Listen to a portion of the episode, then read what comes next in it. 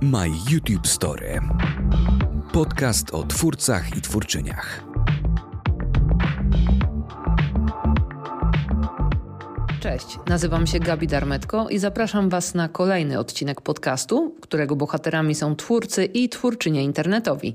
Dzisiaj spotykam się z mistrzem długich i wartościowych rozmów, które od 2018 roku umieszcza na swoim kanale Imponderabilia. Bardzo miło mi przywitać Karola Paciorka. Dzień dobry. Cześć Karol, bardzo się cieszę, że możemy porozmawiać. I tak się zastanawiam, czy to jest tak, że ty wolisz pytać, czy być pytany? Zdecydowanie wolę pytać. Bez dwóch zdań. A widzisz, a wydaje się, że łatwiej jest odpowiadać czasami, jak się tak do tych rozmów różnych przygotowuje i myślę sobie, że no tutaj trzeba poszperać, poszukać i wiedzieć o co zahaczyć. No tak, to, to, to prawda, natomiast e, ja chyba już... E, e, tak dużo różnych materiałów przez 13 lat bytności na YouTubie wyprodukowałem i tak wiele słów wypowiedziałem, że ja chętnie sobie pomilczę. Słuchaj, oczywiście ja mam... nie tutaj, oczywiście nie tutaj, nie dzisiaj, jesteśmy trochę, trochę w innej konfiguracji. Tak, to dobrze, bo milczenie w podcaście jednak nie jest najlepszym pomysłem, ale e, ja sobie tutaj przygotowałam takie na przykład twoje e, CV YouTube'owe, bo powiem ci, że z kilkunastoma twórcami już rozmawiałam i ty masz, e, tak jakby, jak porównuję, to chyba najwięcej różnych produkcji, które, które na YouTubie mogliśmy zobaczyć, bo ten 2010 rok, 35 mm tak. Kanał o fotografii. To była twoja pierwsza e, forma twórczości. Tak, tak, tak, to prawda. I to był 2010 e, rok, to jeszcze nie był tak, to nie były takie czasy, kiedy na YouTubie było dużo tych poradników i można było sobie różne rzeczy y, znajdywać, tutoriale i tak dalej, jak, jak to jest dzisiaj. A powiedz, co, co wtedy cię zainspirowało do tego, żeby założyć ten kanał? No, wtedy w ogóle mm, internet i YouTube wyglądał zdecydowanie e, inaczej tak naprawdę, bo mm, to była strona, która jeszcze e, jako, jako portal de facto raczkowała. Mm, moja inspiracja była bardzo prosta. Ja wtedy byłem na studiach i nie do końca wiedziałem, co w życiu jeszcze robić. E, więc to tak na dobrą sprawę trochę zbieg e, okoliczności. Znajomi, którzy E, z którymi stwierdziliśmy, że YouTube to fajna sprawa. Gdzieś tam podglądaliśmy to, co dzieje się na zachodzie, co dzieje się na tym już e, lepiej rozwiniętym anglojęzycznym mm, YouTubie i pomyśleliśmy, że halo, halo, przecież w Polsce też możemy robić takie rzeczy. Też możemy kręcić filmy. Już mieliśmy jakieś e, aparaty, jeden z nas przynajmniej. I pomyśleliśmy, że taką formą, która wtedy się sprawdza, to była oczywiście komedia, która już e, istniała dość mocno, ale też właśnie jakaś forma poradnikowa, bo mm, też 2010 rok to były takie czasy, kiedy telefony w aparatach mm, telefon, e, Boże, aparaty w telefonach, e, to, to jeszcze była marna bardzo jakość, natomiast wtedy bardzo popularne robiły się takie pierwsze lustrzanki cyfrowe i ludzie tego kupowali na potęgę nie do końca wiedząc, jak, e, jak ich używać. A jako, że ja wtedy pasjonowałem się fotografią e, tak półprofesjonalnie, półamatorsko, to pomyślałem, że właściwie czemu nie pokazać trochę podstaw, czemu nie nauczyć e, potencjalnych widzów, jak mogą sobie mm, trochę rozwinąć skrzydła fotografii takiej swojej prywatnej. No i okazało się, że są ludzie, którzy chcą tego oglądać, a potem to już poszło trochę samo. A powiem ci, że ja tak się nawet wczoraj zastanawiałam, bo ja mniej więcej właśnie w tym czasie też miałam luster, lustrzankę i szukałam, pamiętam jak szukałam e, porad na ten temat, co z nią mhm. robić, jak to ustawić. I bardzo możliwe, że wtedy też na ten kanał trafiłam, e, ale nie potrafię, nawet go próbowałam teraz poszukać na YouTubie, ale nie, nie, jakoś nie, nie jak wpisałam 35 mm, to dużo różnych e, filmów wyskoczyło. Mm. Ja sprawdzam. Nie, chyba wisi cały czas, aż muszę sprawdzić, czy nie, ale nie sądzę, żeby ktoś go, tam trzeba dopisać podcast i wtedy... Tak, A, piszesz podcast 35 mm, tak, cały czas wisi. A, Wszystkie no odcinki są. Można się to dalej z tego pouczyć, chociaż e, wydaje tak, mi się, tak, że... Tak. Choć nie ktoś... wiem, czy to jest najlepsze miejsce już teraz. Tak, ale jak ktoś ma aparat sprzed 13 lat, to jak najbardziej podejrzewam, że takie też e, jeszcze funkcjonują. E, a potem przyszedł 2011 i razem z Łotkiem Markowiczem założyliście kanał Lekko Stronniczy. I tutaj powiem ci, że chylę czoła, bo to była wspaniała też sprawa, ale zastanawiam się, mm, jak bardzo dużo wysiłku kosztowało was robienie tego regularnie i w zasadzie codziennie? Mm, wiesz co, to mm, wysiłek faktycznie mm, musieliśmy włożyć w to, bo to, to, trochę była taka jedna z zasad, którą sobie na początku e, założyliśmy i, i, i chcieliśmy się tego trzymać nieprzerwanie, żeby te odcinki ukazywały się regularnie. Innymi słowy, Mimo iż to był YouTube, mimo iż to było robione własnym sumptem, to po prostu chcieliśmy, żeby ten rys profesjonalizmu był widoczny od początku, czyli że odcinek jest codziennie od poniedziałku do piątku, on się ukazuje o godzinie 18. Um, I wiesz co, Włodek, y, tak samo jak ja, on jest o dwa lata młodszy, ale też był wtedy na studiach, więc my tego czasu po prostu mieliśmy dość dużo. E, mieliśmy ogromny zapał, bo też bardzo szybko, dosłownie po kilku pierwszych odcinkach okazało się, że są widzowie, którzy chcą tego oglądać, e, że są widzowie, którym się podoba nasz rodzaj humoru. A na początku, i wydaje mi się, że to, to się nie zmieniło, jeżeli chodzi o YouTube'a i jakąkolwiek inną platformę do dzisiaj. Na samym początku, jeżeli ktoś zaczyna i czuje takiego kopa właśnie od, e, od tej widowni, jakkolwiek ona mała mogłaby być, to czasem może być kilkadziesiąt, kilkaset osób, które to oglądają, ale to jest niesamowite. W sensie to jest, to jest takie uczucie, które później ja mam wrażenie, że nawet jeżeli y, u twórców uda się y, przeskoczyć jakiś poziom i nawet w, w, zdobywać milionowe zasięgi, to przynajmniej z mojej perspektywy ten pierwszy taki kontakt z osobami zupełnie obcymi, których się nie zna i które mówią, że ja cię oglądam, ta pierwsza widownia, y, to jest uczucie, które jest po prostu niepodrabialne. A czy to, że właśnie ktoś czekał na te filmy, to była taka główna motywacja? No bo ja wiem, że to jest y, czasami dosyć trudne, kiedy musisz robić coś codziennie. Nie jest to twoja praca, musisz się do tego przyłożyć. Nie zawsze są fajne dni w życiu, y, a tutaj jest coś, y, gdzie musisz się poświęcić. I mieliście takie momenty, że a może dzisiaj odpuścimy albo zrobimy sobie przerwę, ale jednak ci ludzie czekają? Wiesz co, e, wydaje mi się, że na samym początku to absolutnie takich momentów nie mieliśmy. To było tak dużo tematów, tak dużo pomysłów, które e, mogliśmy gdzieś tam zagospodarować i, i, i się uzewnętrznić, że pierwsze setki odcinków to absolutnie ja bym tutaj nie, nie, nie. Pierwsze jakieś takie, e, wiesz, zastoje w tym sensie, że musieliśmy się zastanowić, co zrobić kreatywnego, to nadeszły chyba dopiero po kilku latach.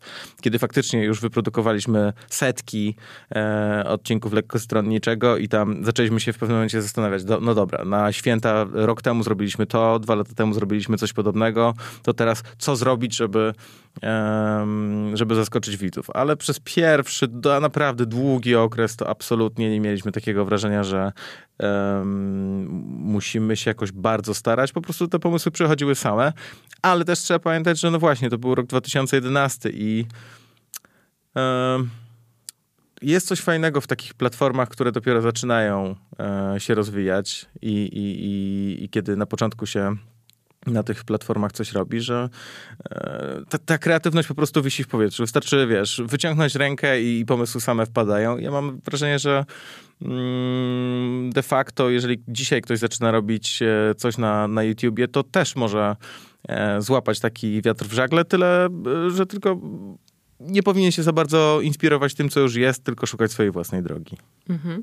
A czy myślisz, że dzisiaj ta bariera e, wejścia jest e, większa czy mniejsza? Dziś jest łatwiej czy trudniej? Bo to jest ciekawe.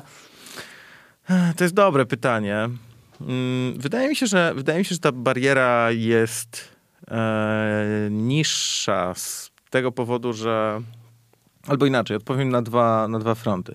Z jednej strony mam wrażenie, że jest niższa, dlatego że każdy ma smartfona, w którym ma aparat i naprawdę nie trzeba już, e, tak jak wtedy, po prostu mm, telefonem nie dałoby się kręcić. Trzeba, potrzebny był jakiś tam aparat, przynajmniej cyfrowy.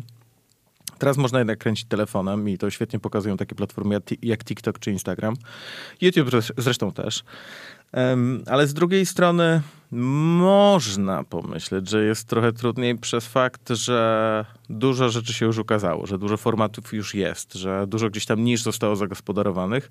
Natomiast y, co roku na YouTubie pokazują się nowe kanały, które mm, nawet jeżeli robią coś podobnego, czyli na przykład są kolejne kanały komediowe albo e, kolejne kanały, nie wiem, sportowe, to nadal jeżeli twórcy znajdują swój patent na daną niszę, to absolutnie jest miejsce dla nowych twórców. Ja to konsekwentnie powtarzam od lat, że jeżeli ktoś się zastanawia nad tym, czy spróbować, to absolutnie tak, bo tylko w ten sposób można się dowiedzieć, czy ten pomysł, który gdzieś tam e, mamy w głowie, to jest dobry pomysł, który będzie przyciągał widzów. Mhm. A ty z perspektywy lat możesz powiedzieć, że to jest tak, że publiczność, którą się zdobyło, ona jest taka mocno, mocno wierna i ona zostaje na dłużej? Czy to jest taka też wędrująca publiczność, która dzisiaj przez parę miesięcy będzie oglądać jednego twórcę, a później gdzieś jakiś inny się wybije i, i oni sobie tak wędrują?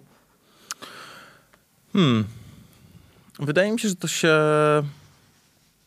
To zależy od formatu. Um, jeżeli chodzi o lekkostronniczego, to my przez lata zbudowaliśmy taką społeczność, która jest nam, jeżeli mogę tak powiedzieć, wierna w pewnym sensie, że ogląda, mimo iż nie wydaje mi się, żeby było bardzo wiele osób, które oglądają zawsze, regularnie wszystkie odcinki, tylko pewnie mają jakieś, e, jakieś okresy, w których na przykład nadganiają sobie część odcinków, potem robią sobie przerwę, potem wracają. Mm, ale to jest taki kanał, który zbudował społeczność i, i, i to jest fenomenalne i to bardzo widać zwłaszcza kiedy mm, organizujemy jakieś, jakieś wydarzenie na żywo, gdzie możemy się z tymi widzami spotkać, a niedawno takie wydarzenie mieliśmy okazję zorganizować. Mm, natomiast są też takie formaty, które są bardziej uzależnione od, e, od trendów i na przykład tak, wydaje mi się, że działa e, mój drugi kanał, czyli Imponderabilia, bo tam to jest kanał, gdzie jestem jednak bardziej schowany gdzie na pierwszym planie jest e, gość, gdzie na pierwszym planie jest temat, i pewnie tam bardziej mm, właśnie ci goście przyciągają publiczność i to, czy y, w danym okresie osoby, e, które u mnie pojawiają się w studiu, budzą zainteresowanie i oczywiście rozmowa, jaką z nimi prowadzę, budzi zainteresowanie, to to przyciąga widownię. Mhm. No tak, y, bo myślę, że tutaj też właśnie gość też jest takim y, magnesem, a dzięki temu też różne osoby mogą przy okazji odkryć twój kanał, y, bo y, przychodzą za kimś i zostają na e, inne rozmowy. A powiedz, jak to było, czy pamiętasz może taki moment, kiedy zdaliście sobie sprawę z tego, że tu się już robi poważnie i być może to będzie coś, e, czym będziemy się na poważnie w przyszłości zajmować i co będzie przynosić dochody? Mm, nie wiem, czy był jakiś taki moment, w którym poczuliśmy, że to jest na poważnie. To znaczy, jest jeden, był jeden moment, w którym e, e, poczyniliśmy taki poważny krok, mianowicie ja i Włodek rzuciliśmy studia, żeby zająć się w pełni YouTube'em. Ale to wynikało jednak w dużym stopniu e, z faktu, że ani ja, ani, ani on właśnie nie studiowaliśmy czegoś takiego, co w prostej linii dawało nam możliwość yy, kariery zaraz po studiach. Włodek studiował stosunki międzynarodowe, ja studiowałem studia porównawcze cywilizacji, więc to były takie rzeczy, które oczywiście były super do studiowania, ale wiesz, nie wychodziliśmy tak jak, nie wiem, po wydziale lekarskim od razu z, z pewnym przygotowaniem, żeby wejść na rynek pracy. Natomiast tutaj robiliśmy coś, co po pierwsze znajdowało odbiorców i to było świetne, po drugie, tak, faktycznie w pewnym momencie zaczęły się pojawiać jakieś, e, jakieś pieniądze od, od partnerów, od sponsorów i stwierdziliśmy, że kurczę, no jeżeli mm, są ludzie, którzy chcą z nami współpracować, no to może warto iść w tę stronę, może warto spróbować przynajmniej tego kierunku, bo też byliśmy wtedy no, dużo młodsi. Jak zaczynałem YouTube, to ja miałem bodaj 24 lata. Um, ja wiem, że jak na dzisiejsze standardy, kiedy youtuberzy zaczynają mając, nie wiem, kilkanaście, to, to brzmi jakbym był super stary zaczynając, ale wtedy e, myślałem, że jeszcze absolutnie to jest dobry czas na próbowanie rzeczy, no nie? Czyli nawet jeżeli ten YouTube e, nie okaże się drogą na dłuższy okres, to to, to jest fajny, e, fajna rzecz, żeby spróbować swoich możliwości w tej dziedzinie. A i jeszcze jedna rzecz dość ważna, która się zmieniła e, na przestrzeni lat. E, mianowicie przez pierwsze przynajmniej kilka lat e, działania YouTube'a w Polsce dużo twórców siebie też mogę zaliczyć do tego grona, ale wiem, że nie byłem jedyny. Myślała, że jeżeli przez jakiś czas e, będziemy robić coś na YouTubie, będziemy tworzyć jakieś treści wideo, to może się okazać gdzieś za jakiś czas, że odezwie się do nas na przykład telewizja i będziemy robić coś w telewizji. To ta mityczna telewizja była takim punktem docelowym kariery w której to można by, wiesz, rozłożyć skrzydła i, i rozpocząć prawdziwą karierę. Potem okazało się, że mm, tak na dobrą sprawę to telewizja nie jest potrzebna, można sobie spokojnie e, radzić robiąc tylko YouTube'a, ale z perspektywy roku 2011 czy nawet 12 albo 13 to było jeszcze absolutnie e, niewidoczne i to wyglądało wszystko totalnie inaczej. Mhm. A po tych latach doświadczeń też e, telewizyjnych i YouTube'owych, to co jest dla ciebie ciekawsze, albo czy, bo ciekawsze to chyba mi się wydaje, że wiadomo, że YouTube, skoro dalej e, tą ścieżką podążasz, ale jakby tak porównać jedno do drugiego, telewizja jest takim wielkim zorganizowanym przedsięwzięciem, a tutaj w zasadzie można robić samemu. I co jest dla ciebie bardziej inspirujące, jeżeli chodzi, jeżeli sobie tak to porównamy? No inspirujący chyba bardziej będzie YouTube, ale to wynika głównie z faktu, że mm, sam sobie jestem obiektywem, aparatem, mikrofonem, statywem, szefem, e, wydawcą, e, największym krytykiem też. E, I to jest dla mnie coś, co, mm, co się nie kończy de facto, no bo zawsze mogę zmienić e, swój profil działalności. Tak? Jeżeli będę chciał otworzyć nowy kanał, to mogę to zrobić.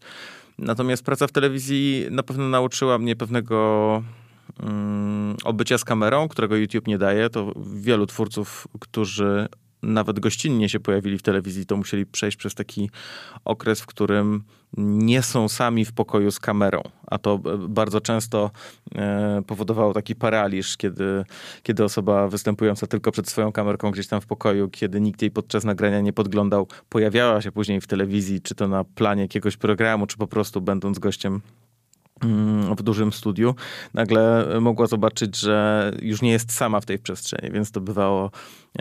czasem to działało dobrze, a czasem działało paraliżująco. Więc e, praca w telewizji na przykład nauczyła mnie tego, że e, można być oswojonym z kamerą, nawet jeżeli osób na planie jest e, zdecydowanie więcej. I pewnie jeszcze więcej rzeczy gdzieś tam na, na przestrzeni tych lat się pojawiło, ale ja uważam, że jedno drugie dopełnia. Natomiast w moim przypadku przynajmniej na teraz, czyli na 2023 rok, YouTube jest takim miejscem, w którym spokojnie można, e, można robić to, co się chce i w taki sposób, jak się chce. Mhm. I też z perspektywy widzów można powiedzieć, że no YouTube jest e, przynajmniej dla mnie ciekawszy, bo mogę wybrać to, co chcę i tych twórców, których chcę, a nie z góry narzucony program. E, a potem, teraz jeszcze wracając do twojego e, YouTube'owego CV, e, przyszedł 2018, no i pojawiły się imponderabilia. Teraz powiedz mi proszę, jak, co było inspiracją do tego? Czy właśnie stwierdziłeś, że brakuje takiego miejsca, gdzie można posłuchać dłuższych, ciekawych rozmów? Trochę tak. Ja parę lat wcześniej na innym kanale, mm, po tym jak mieliśmy w lekkostronniczym przerwę, robiłem wywiady. Tyle, że one miały trochę taką bardziej klasyczną formułę. Czyli zapraszałem gości, mniej więcej chciałem potem rozmowę wyedytować tak, żeby ona trwała, nie wiem, 20-30 minut, czyli ciąłem ją bo tak wtedy to, y, tak się wtedy po prostu robiło. Natomiast e, podglądając znowu to, co y, pojawiało się na zachodzie, czyli gdzieś tam rosnący trend na podcasty, na takie właśnie dłuższe rozmowy, które nie są edytowane, stwierdziłem, że chyba to jest coś, co mi się podoba, ponieważ po prostu sam zacząłem właśnie takich form e, słuchać i to zwykle też jest taki najlepszy rada dla mnie, co jest fajne. Jeżeli, jeżeli ja tego słucham i uważam, że jest, jest e, po prostu pociągające, no to i nie widzę tego na polskim rynku, no to mogę spróbować też zrobić to po swojemu, tutaj po polsku. I to jest też taka wartość, że wiadomo, że w mediach tradycyjnych mamy ten czas ograniczony, prawda, że mm. musimy się zmieścić w godzinę tak, na przykład, tak, albo tak, w pół. Tak. E, I coś trzeba wyrzucić, albo trzeba pędzić e, po łebkach, a tutaj można sobie rozmawiać ile y, chcemy czasu. My YouTube Story.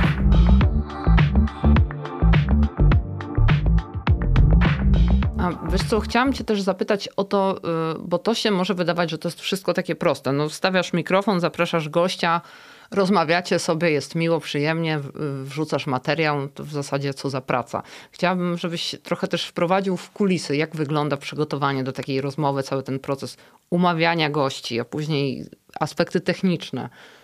Mm. mm w moim przypadku, bo pewnie każdy program, czy to na YouTubie, czy, czy, czy podcast, czy, czy program w radiu, mimo iż trochę na podobnych zasadach się e, opierają, to jednak e, funkcjonują nieco inaczej. W moim przypadku jest tak, że ja robię większość rzeczy, rzeczy sam.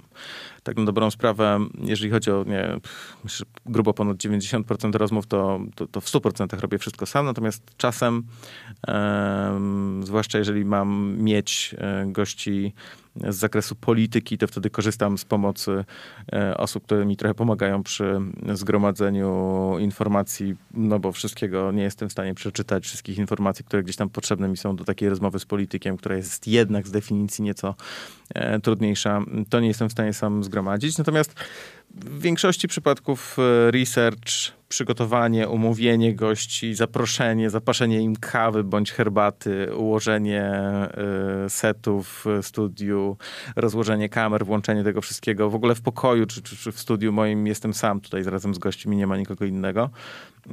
Ja akurat sobie taką, taki rodzaj pracy cenię, dlatego że to daje jakąś taką formę intymności, mm, która już wypływa później w samej rozmowie, że tutaj nie biega nikt za kamerami, nie sprawdza, nie szura czymś, nie stuka, nie poprawia w czasie nagrania, nie wiem, make-upu, bo ktoś się zaczął świecić. W sensie dla mnie to są wszystko rzeczy drugorzędne, na pierwszym planie jest rozmowa i wydaje mi się, że zawsze rozmowie mm, najbardziej służy spokój, a ten spokój można właśnie uzyskać, kiedy się jak najmniej tych bodźców gdzieś tam dostarcza.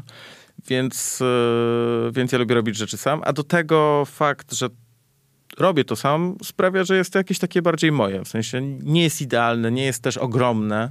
E, to nie jest jakaś wielka produkcja, na którą się wchodzi i, i czasem można się poczuć um, nieco przytłoczonym, tylko, tylko właśnie jest to taki podcast, który e, który raczej zaprasza wszystkich, niezależnie od tego, czy udzielili już w swoim życiu jakiegoś wywiadu, czy byli w jakimś podcaście, czy to być może jest ich pierwszy raz, a tacy też się zdarzali.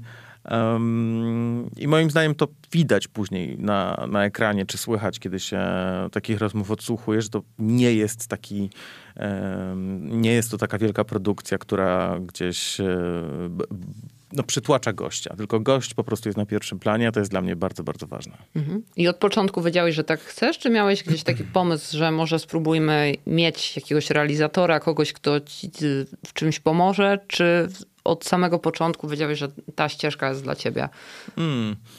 Chyba się nad tym nie zastanawiałem jakoś bardzo. Mm, natomiast nie było tak, znaczy na pewno nie było takiej potrzeby, żebym do tej pory, żebym miał dodatkową osobę e, podczas nagrania, no bo kiedy goście już usiądą, ja mm, ustawię kamery, włączę je, no to raczej goście się nie poruszają za bardzo w fotelach, nie, nie gibają się, więc też z kadru mi nie uciekają. Mm, dźwięk też zwykle e, dobrze ustawiony, radzi sobie sam. Także nie miałem jakiejś takiej pokusy, jeżeli chodzi o set. Jeżeli chodzi o to przygotowanie rozmów, to faktycznie nie wykluczam, że gdzieś w przyszłości będę może współpracował z, z osobą czy z osobami, które będą mi pomagać e, w gromadzeniu informacji, ale tak jak mówię, to też jest tak, że mm, miałem kilka takich podejść e, do tego, żeby wiesz, dostać już trochę odsiane informacje na temat mojego gościa mhm. i potem ja na bazie tego, e, co dostałem, wybierałem sobie wątki i zauważyłem, że o ile oczywiście to skraca czas pracy i, sprawia, że ona jest może trochę bardziej efektywna, to hmm, jakby to powiedzieć, gdzieś mi to, znaczy czułem, że coś mi to zabiera. W sensie, kiedy ja spotykam się z gośćmi, a tak jak my sobie dzisiaj rozmawiamy, to za e, dwie i pół godziny przychodzi do mnie zespół Kwiat Jabłoni e, po raz trzeci e, i ja sobie spędzam na przygotowaniu tej rozmowy z nimi dzień, dwa, już tak na dobrą sprawę, czyli odsłuchuję ich nową płytę, oglądam ich wywiady, przypominam sobie też nasze stare rozmowy, to ja po prostu trochę wsiąkam w ten świat gościa mhm. tak naprawdę, a nie tylko mm, bo pewnie super researcher przygotowałby mi, wiesz, fajne wątki, listę pytań, anegdoty, ja potem bym sobie to mógł przelecieć i, i na podstawie tego usiąść i nagrać rozmowę, ale mam wrażenie, że nie byłbym wtedy, wiesz, tak bardzo wkręcony w tego mojego gościa, tak trochę zatopiony w jego świat, a to bardzo mi pomaga, bo im bardziej właśnie ja się w tym świecie zatopię, tym bardziej, kiedy ten gość przychodzi, to, yy, to wygodniej, swobodniej i też mam wrażenie, trochę głębiej jestem w stanie z nim porozmawiać. Tak, no myślę, że to na zupełnie inny poziom rozmowy wtedy można wejść i że Tak. to nie jest rozmowa taka, która się powtarza w zasadzie wszędzie, bo dostajesz ten sam zestaw pytań, tylko tak, inaczej tak, tak. zadanych. Skąd pomysł na nazwę i jakie, jakie, jakie były inspiracje przy pisaniu tej płyty? No właśnie. Skąd pomysł? To jest takie ulubione pytanie dziennikarskie. Nawet kiedyś mieliśmy w redakcji, jak pracowałam w radiu, taką karteczkę, y, redaktor z mikrofonem i tam napis, y, a gość wisiał do góry nogami. Takie pytanie, skąd pomysł? Tak, dokładnie. Y, tak. Mm, To jeszcze, bo pytałam o ten proces produkcyjny i o to, e, czy nikt ci nie pomaga, jak to wygląda, bo większość twórców, z którymi rozmawiałam, właśnie najpierw opowiadało, że sami, wszystko sami, a później dochodzili do takiego momentu, kiedy już mogli to e, komuś oddać. E, A ja cię rozumiem, bo ja też lubię wszystko sama sobie ustawić, przygotować, zrobić i to jest zupełnie inny rodzaj pracy niż kiedy jeszcze masz dodatkowe osoby wokół ciebie. A pamiętasz, e, z kim była pierwsza e, rozmowa e, w, na kanale Imponderabilia? Tak, pierwsza rozmowa była z Tomaszem Stawiszyńskim, ale ona nie została opublikowana jako pierwsza, ponieważ haha, no... wydaje mi się, że w ciągu tych 13 lat ja popełniłem wszystkie możliwe błędy, jakie tylko mogły się wydarzyć i e, w przypadku tego formatu również e, padł dźwięk, kiedy nagrywaliśmy za pierwszym razem. Totalnie. E, totalnie. On się albo w ogóle nie nagrał, albo się przestał nagrywać po chyba pierwszych 15 minutach naszej rozmowy. To jest najgorsze. Tak, a gadaliśmy przez dwie godziny chyba z Tomkiem. Natomiast on był na tyle miły, że no bo oczywiście jak skończyliśmy nagrywać, no to ja powiedziałem jakby sorry, przepraszam, co teraz? O mój Boże, to koniec. E, natomiast Tomasz był na tyle miły, że oczywiście umówiliśmy się na... Nie, nie mieliśmy siły oczywiście, żeby nagrywać to jeszcze raz, bo to tak jak mówię, trwało chyba ze dwie godziny. Mm, e, Natomiast umówiliśmy się na kolejny termin, także rozmowa z Tomkiem potem poszła jako druga czy trzecia, a w międzyczasie, e, kiedy, kiedy my mieliśmy przerwę od siebie, to mm, przyszedł do mnie Tomek Działowy, czyli Gimper i, i to była pierwsza rozmowa, która poszła na kanale mm, Imponderabilia, tak. Mhm. A ja przy- przyznam ci, że jak miałam swój pierwszy cykl e, o youtuberach w radiu, to właśnie Tomek Działowy też był pierwszy. O, proszę. No, tak to się e, ułożyło. Mm, A jak to mm, było, bo powiem ci, że tak. E, temat polityki to jest taki temat dosyć grząski. E, I tak się zastanawiałam, jak ty do tego podchodziłeś. Czy nie miałeś takich obaw, że sięgając po polityków, zostaniesz wrzucony też do jakiejś e, skrzyneczki pod tytułem o nie, po co on to w ogóle rusza? Polityka to brudny i najgorszy temat, jaki tylko może być. Oni i tak prawdy nie powiedzą i lepiej uciekać od takich rzeczy. No, po części to jest prawda. To, co powiedziałaś, czyli rozmowa z politykami, to nie jest y, to samo, co rozmowa z, nie wiem, z autorem książki, czy, czy, czy z muzykiem, który przychodzi opowiedzieć o swojej nowej płycie. Natomiast, wiesz co, robiąc, robiąc 13 lat y, YouTube'a i też po prostu starzejąc się tak najnormalniej pod słońcem, ja mam teraz 37 lat, to takie rzeczy właśnie jak polityka mnie dotykają i e, nie mam takiego mm, podejścia czysto... Hmm, nie umywam rąk, e, robiąc tylko rzeczy miłe, e, jeżeli mogę też przynajmniej spróbować, bo ja nie twierdzę, że e, wszystko, co robię, wychodzi mi idealnie, ale przynajmniej spróbować zrobić też coś, co, e, co będzie trochę innego i właśnie do tej kategorii zaliczam rozmowy z politykami. Uważam, że one czasem em, czasem są w stanie dać odbiorcom YouTube'owym, a to są ludzie często, którzy no, nie, nie oglądają tradycyjnych mediów, wgląd w sprawy, które są ważne przez pryzmat właśnie twórcy internetowego, czyli mnie, przez to jak ja prowadzę rozmowy. Em, I wydaje mi się, że to jest po prostu gra warta świeczki. W sensie to jest jakby podejście, które które warto uskutecznić po to, żeby być może dowieść jakąś nową informację, a jak wiemy, no polityka znaczy, my możemy się nie interesować polityką, ale polityka się na pewno interesuje tak. nami, tak. więc, e, więc uciekanie od tego trochę nie ma sensu. A też, szczerze mówiąc, doświadczenie uczy mnie, doświadczenie z tych kilku czy kilkunastu rozmów, które przeprowadziłem, czy to w ramach kampanii wyborczych, czy nawet nie tylko, bo takie też się zdarzyły, że. Mm, jestem w stanie wyciągnąć czasem z polityka coś interesującego. Nie zawsze i nie wszędzie, ale czasem się to udaje. E, I myślę, że to jest też bardzo fajnie motywujące mnie do tego, żeby po prostu swój warsztat szlifować, żeby próbować zadawać ciekawsze pytania, lepsze pytania, żeby też lepiej weryfikować to, co polityk mówi, no bo tak jak, tak jak wspomniałem, to nie jest mm, to samo, co w przypadku na przykład muzyka, ale, mm, ale to jest po prostu gra warta świeczki. Mhm. A politycy... Y są przyzwyczajeni do rozmów, które się odbywają w radiu, w telewizji. Wiadomo, że one są zazwyczaj szybkie, płytkie i polegają bardziej na jakichś takich słownych przepychankach. Czy o, widziałeś może, nie wiem, strach czy niepewność w ich y, oczach czy, czy w głosie, e, kiedy siadali u ciebie w studiu i wiedzieli, że no tutaj to będzie trwało trochę hmm. dłużej i nie, nie jest tak łatwo uciec od odpowiedzi?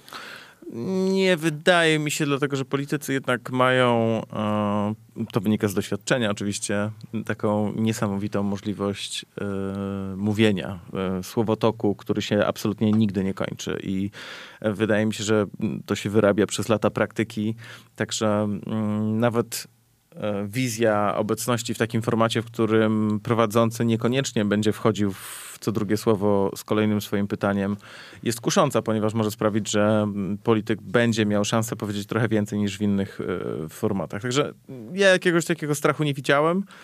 Mm, a raczej, raczej możliwość e, wypowiedzenia się w trochę szerszym kontekście, co ja akurat uważam za dobrą rzecz, bo e, wiem, że e, najlepszego zdania o politykach nie mamy i to pewnie większość z nas, mm, ale jednak gdzieś tam na końcu, kiedy myślę sobie o słuchaczu inteligentnym, a ja zawsze o takim, zawsze tak o słuchaczu czy widzu myślę, to po prostu wiem, że on z pomiędzy tego słowotoku wyciągnie też rzeczy, które są istotne i które mogą e, zostać powiedziane czasem trochę przypadkiem, czasem półgębkiem, czasem w formie żartu.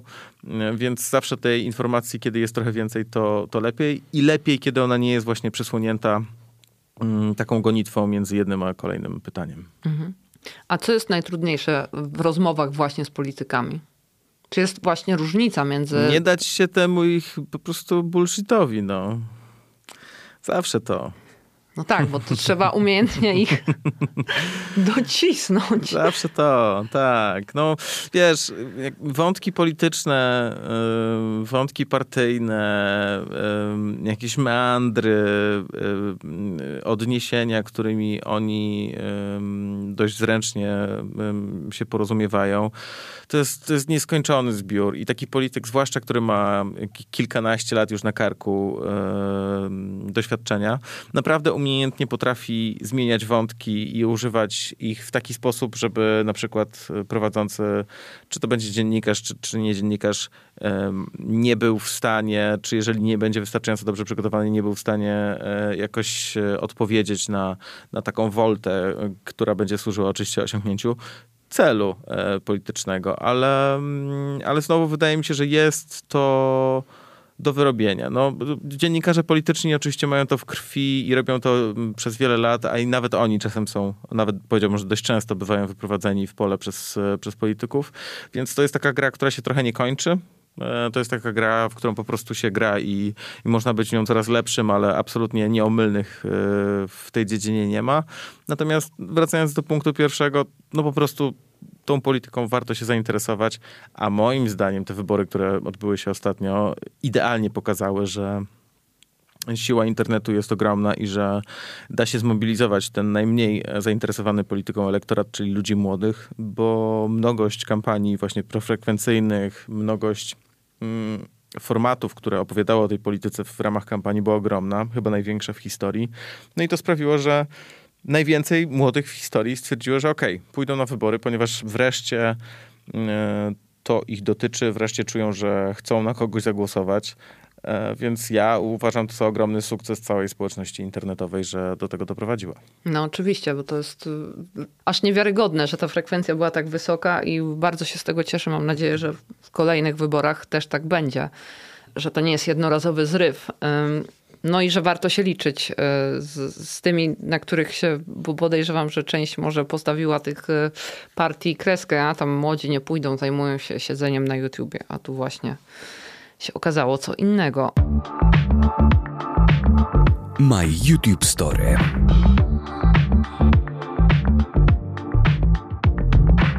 Czy ty masz poczucie czegoś takiego, że możesz w jakiś sposób też y, wywierać wpływ, y, kreować jakieś rzeczy, że to taki, taki typowy influencer, znaczy może nie typowy influencer, ale czy masz poczucie, że jednak jest jakaś odpowiedzialność przed tobą, skoro tyle ludzi cię słucha? Wiesz, influencer, zwłaszcza w ostatnim czasie. Może to, złe słowo to. Tak, to tak jak przez lata najgorszym określeniem, jakim można było kogoś e, nazwać, to było celebryta, tak teraz e, to miejsce zajęło słowo influencer, więc ja od Ale tego to będę... się bardziej, tylko ci powiem, odnosiłam do znaczenia tego słowa takiego bardziej... wiem. z- Ja tak. wiem, ale, ale, ale mimo wszystko trochę tak, to, trochę tak to się stało i y, ja z tym nie będę walczył, bo, y, bo, bo gdzieś tam podłoże y, takiego pusto pustostanu y, y, my, myślowego, to jest w tym ziarno prawdy oczywiście. Em, natomiast ja nie będę, znaczy nie uważam, że jestem w miejscu, w którym chciałbym em, wywierać wpływ i wskazywać komuś e, poprawne odpowiedzi. Dlatego, że ja sam nie uważam, że, że je posiadam. E, Wynika to z naprawdę e, faktu, że tak dużo godzin przesiedziałem w studiu z różnymi gośćmi.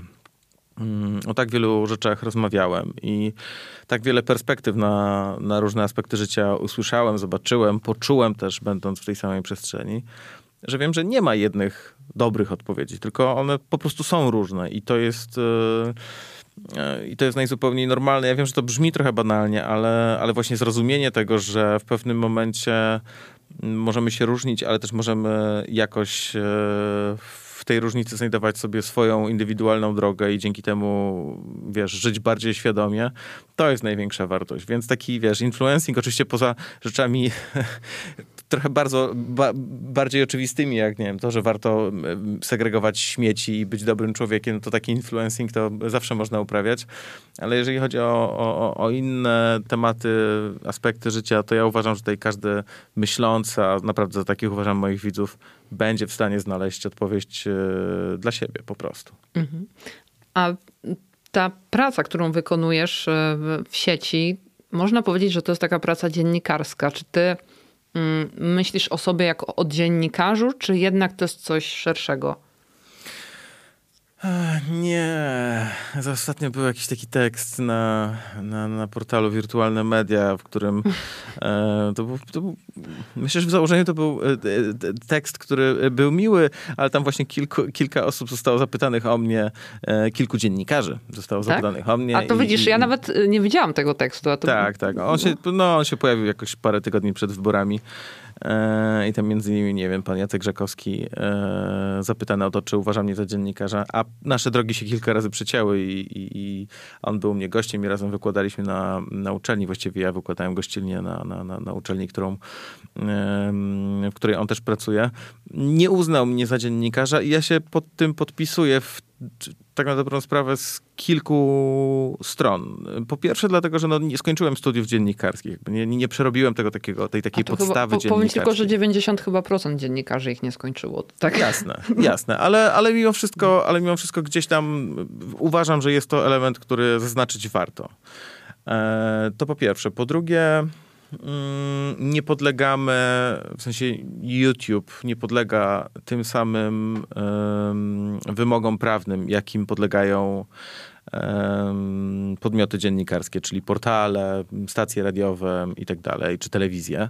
E, nie mamy, nie podlegamy prawu prasowemu, więc to, to też jest element, który mimo wszystko trzeba wliczyć. No bo jednak etos pracy dziennikarza powinien być w jakiś sposób e, uregulowany, żeby po prostu wiedzieć, e, no, w, w, którą stronę się kierować i, i, która strona jest poprawna. No, jakieś kierunkowskazy są niezbędne, tak samo jak podczas poruszania się po ulicach. Więc to jest trochę coś innego. Fakt, że u mnie bywają goście i fakt, że ja z nimi rozmawiam i też wolę taką formę, czyli ja z nimi rozmawiam, a nie, że przeprowadzam wywiady, to sprawia, że to po prostu nie jest tak do końca to samo. To, że oczywiście czasem można z tego wynieść e, wnioski, które sugerują, że tu gdzieś została zrobiona e, robota dziennikarska, to ja się z tym też zgadzam, tak? W sensie, jakby, oczywiście, że zwłaszcza jeżeli to jest dobrze przeprowadzona e, rozmowa, ale faktycznie to jest nieco inne medium. Jeżeli, jeżeli na przykład dziennikarze tacy klasyczni, wiem, z gazet czy z portali zaczynają swoje, swoją przygodę na YouTubie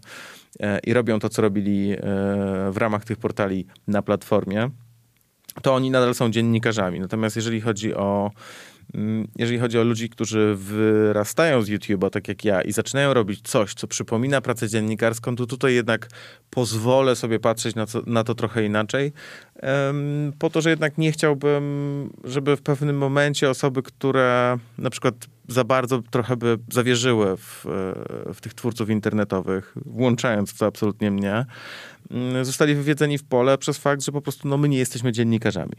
E, a, a czasem łatwo się dać e, wpędzić w taką pułapkę, zwłaszcza w epoce, wiesz, fake newsów, mhm. wojny medialnej, niesprawdzonych informacji. Więc ja jestem absolutnie po tej stronie, że jeżeli ktoś robi dobrą robotę, jeżeli ktoś, jeżeli ktoś um, tworzy takie materiały, które są warte oglądania i, e, i przekazują sprawdzone, sprawdzone informacje, no to oczywiście, że on dotyka gdzieś tam tego dziennikarstwa dobrze rozumianego. Natomiast zawsze trzeba uważać i zawsze trzeba sprawdzać, bo czasem, e, czasem celowo, a czasem zupełnie niecelowo, no po prostu błęd się popełnia i, i wtedy warto się mieć na baczności. Mówię tutaj oczywiście od strony odbiorcy. Mhm. Ja tak się ostatnio zastanawiałam nad tym, czy ten zawód dziennikarz, taki jak o nim myślimy, jak powinien wyglądać, czy on w ogóle jeszcze ma rację bytu i czy to jest możliwe w dzisiejszych czasach.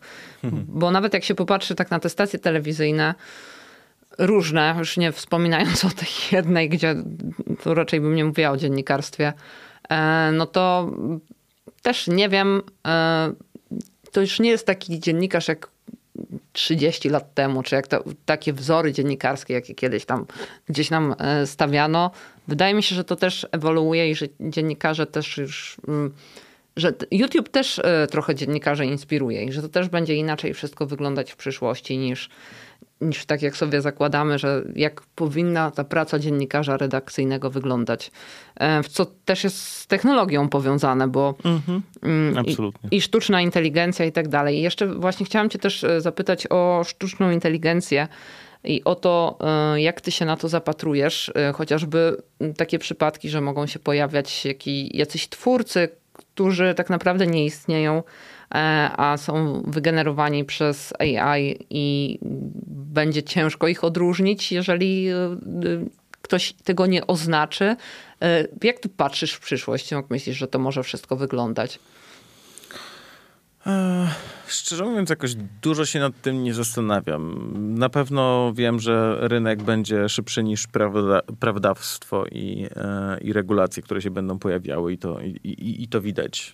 W sensie na przykładzie YouTube'a mm, to, to, to, najpierw sama platforma regulu, regulowała, nie wiem, takie rzeczy jak e, prawo własności intelektualnej, a dopiero później zwykle Gdzieś tam to było spinane z lokalnym prawem e, autorskim. Mm, I w przypadku sztucznej inteligencji i tak jak powiedziałaś, jakichś wykreowanych mm, bytów, które będą postrzegane jako influencerzy, no to Prawdopodobnie jest to nieuniknione w jakimś sensie i do pewnego stopnia. I e, ja już jakiś czas temu pogodziłem się z faktem, że mm, pewnie za jakiś czas mimo iż e, od e, jak dawna tylko pamiętam, korzystałem z internetu i zawsze uważałem, że jakąś taką biegłość w jego korzystaniu mam, to wiem, że prędzej czy później nadejdzie ten moment, kiedy to ja się stanę tym dziadkiem i e, ktoś młodszy przyjdzie i będzie mi musiał wytłumaczyć, dziadku, to, to, to, to co patrzysz, to nie jest prawdziwe, to, to, to komputer zrobił, to, to, to nie jest to. Um, I tak dalej. I potem kolejną, przyjdą, przyjdą, wiesz, kolejne pokolenie i oni e, też się będą starzeć i będą widzieli nowe rzeczy. Także najpewniej trzeba się na to zgodzić, no ale faktycznie jest jakaś nadzieja w regulowaniu tego i, i, i w oznaczaniu takim które będzie sprawiało, że będziemy się czuli po prostu trochę bezpieczniej. Przede wszystkim mam tutaj na myśli takie bezpieczeństwo dosłowne, czyli że nie będziemy wkręcani e, przez e, jakieś podmioty, które chciałyby, nie wiem, wyłudzić od nas informacje, czy wpłynąć właśnie na jakieś nasze decyzje związane z wyborami i tak dalej. Więc, mhm. więc to jest dla mnie najważniejsze, ale również jeżeli chodzi o takich cyfrowych influencerów, no to dla mnie największym potencjalnym oczywiście zagrożeniem jest e, mm, takie kreowanie Mm, jakby to powiedzieć, kreowanie, nie wiem, chęci zakupu produktów przez, e, przez wielkie marki, które będą w stanie dysponować technologią e, i przekonywać mnie, bo będą bazowały na big data i na moich preferencjach gromadzonych przez, wiesz, to, co mhm. zostawiłem na, swo, na swoim telefonie czy, czy, czy w komputerze. A my nawet nie będziemy tego świadomi najpewniej. Tak, tak. Ale czy taki moment nadejdzie? No wydaje mi się, że on już w dużym stopniu nadszedł, więc e, jako, że na YouTube'a patrzę od 13 lat e, współtworząc go i wiem, że dużo rzeczy robi się e, w, jakby w trakcie tych przemian, to wiem, że tutaj też tak będzie, czyli, czyli to będziemy w trakcie dostosowywać się, będą popełniane najpewniej błędy, Um, najpewniej ktoś się da wkręcić i, po, i, powie coś, co nie było sprawdzone. Najpewniej ktoś się da nabrać na jakąś osobę, która została stworzona przez, przez AI, e, a nie była, wcale, nie była wcale prawdziwym człowiekiem, więc biorę to za dobrą monetę. No jakby, no, tak wygląda trochę rozwój, że gdzieś tam te błędy trzeba będzie popełnić, ale wydaje mi się, że jeżeli z głową i z pewnym dystansem będziemy podchodzić do, do tych przemian, to ja jestem raczej pozytywnie nastawiony. W sensie ja tam raczej widzę potencjał pozytywny na to, że te nowe narzędzia dadzą nam możliwość, nie wiem, lepszego spędzania wolnego czasu, e, lepszego gromadzenia informacji, e, dadzą nam pomoc przy tworzeniu tych materiałów, które, które gdzieś tam mamy z tyłu głowy i, i, i raczej to widzę niż zagrożenia. W sensie wolę mhm. widzieć pozytywne strony, natomiast faktycznie gdzieś te zagrożenia też się mogą pojawić. Ale powiem ci, że tak jak powiedziałeś o tym, że będziesz takim dziadkiem i będzie trzeba ci tłumaczyć, to ja się ostatnio nad tym zastanawiałam i tak miałam taką rozkminę, czy my wychowani e, no, z nowymi technologiami, z internetem, E, jakoś no nie było internetu od początku naszego dzieciństwa, bo my jesteśmy prawie w tym samym wieku, ale e, później on się pojawił, to czy my jednak też mamy szansę stać się z takimi dziadkami, skoro gdzieś ta technologia jest u nas cały czas i dla nas to jest naturalne, więc hmm. może nie do końca to tak pójdzie w tę stronę. No, ja mam nadzieję, że ja mam nadzieję, że gdzieś e, ludzie odpowiedzialni za aplikacje, za strony po prostu będą tworzyli takie bufory, które nas, zwykłych użytkowników będą, będą chronić. Zwłaszcza e, tych, e, którzy już nie są tak super na bieżąco z nowinkami. No ja, ja mam 37 lat i, i wiem, że ten moment u mnie powoli będzie nadchodził, no bo no nie będę przecież korzystał z wszystkich aplikacji, które są na topie u, u młodzieży, tak? No tak, bo e... można oszaleć przecież, jakby no się właśnie, mieć to no wszystko. No właśnie. Więc biorę to za dobrą monetę. Raczej jestem pozytywnie nastawiony. To dobrze. A jeszcze chciałam cię zapytać na koniec na, z perspektywy tych 13 lat. Mm, mhm. Czego cię YouTube nauczył? Mm. Na pewno nauczył no, bardzo wielu rzeczy. To, jest. um, on stworzył mi życie całe de facto i, i stworzył to, co um, miejsce, w którym mieszkam, to, czym się zajmuję. Um, zdecydowana większość moich znajomych to są ludzie, których poznałem w internecie, czy to przez YouTube'a, czy przez inne strony, ale gdzieś tam to się wokół tego YouTube'a w moim przypadku kręciło. Więc, więc nauczył mnie e, strasznie wielu rzeczy, ale tak, tak spłycając to, czy może trochę, trochę filtrując do tego, czym się zajmuję, no to na pewno nauczył mnie pewnego rodzaju wiary w siebie i, że, i, i, i, tego, że naprawdę jest to miejsce, w którym można spróbować swoich możliwości. E, I czasem, jeżeli kilka rzeczy się uda, to, to można znaleźć w tej pasji coś, co będzie pracą, to można znaleźć coś na dłuższą metę w, w, w na tej platformie. E, I to jest moim zdaniem rzecz, której naprawdę nie było do tej pory w historii. Że naprawdę można wykreować swoją ścieżkę kariery zupełnie od zera, na swoich zasadach. I to jest, to jest absolutnie niesamowite, więc, więc ja bardzo polecam, jeżeli ktoś tego słucha, myśląc sobie, czy warto zacząć robić rzeczy na YouTubie w 2023 roku, to absolutnie cały czas to jest dobry moment, żeby zacząć. Super i myślę, że to będzie e, najlepsza puenta naszej rozmowy, bo to jest przecież kanał My YouTube Story. Ty opowiedziałeś swoją historię i mam nadzieję, że ta historia będzie też inspiracją dla osób, które nad tym się właśnie zastanawiają. Czyli warto, zapraszamy na YouTube'a, a Karol Paciorek był dzisiaj gościem My YouTube Story. Bardzo dziękuję. Dzięki. My YouTube Story. Podcast o twórcach i twórczyniach.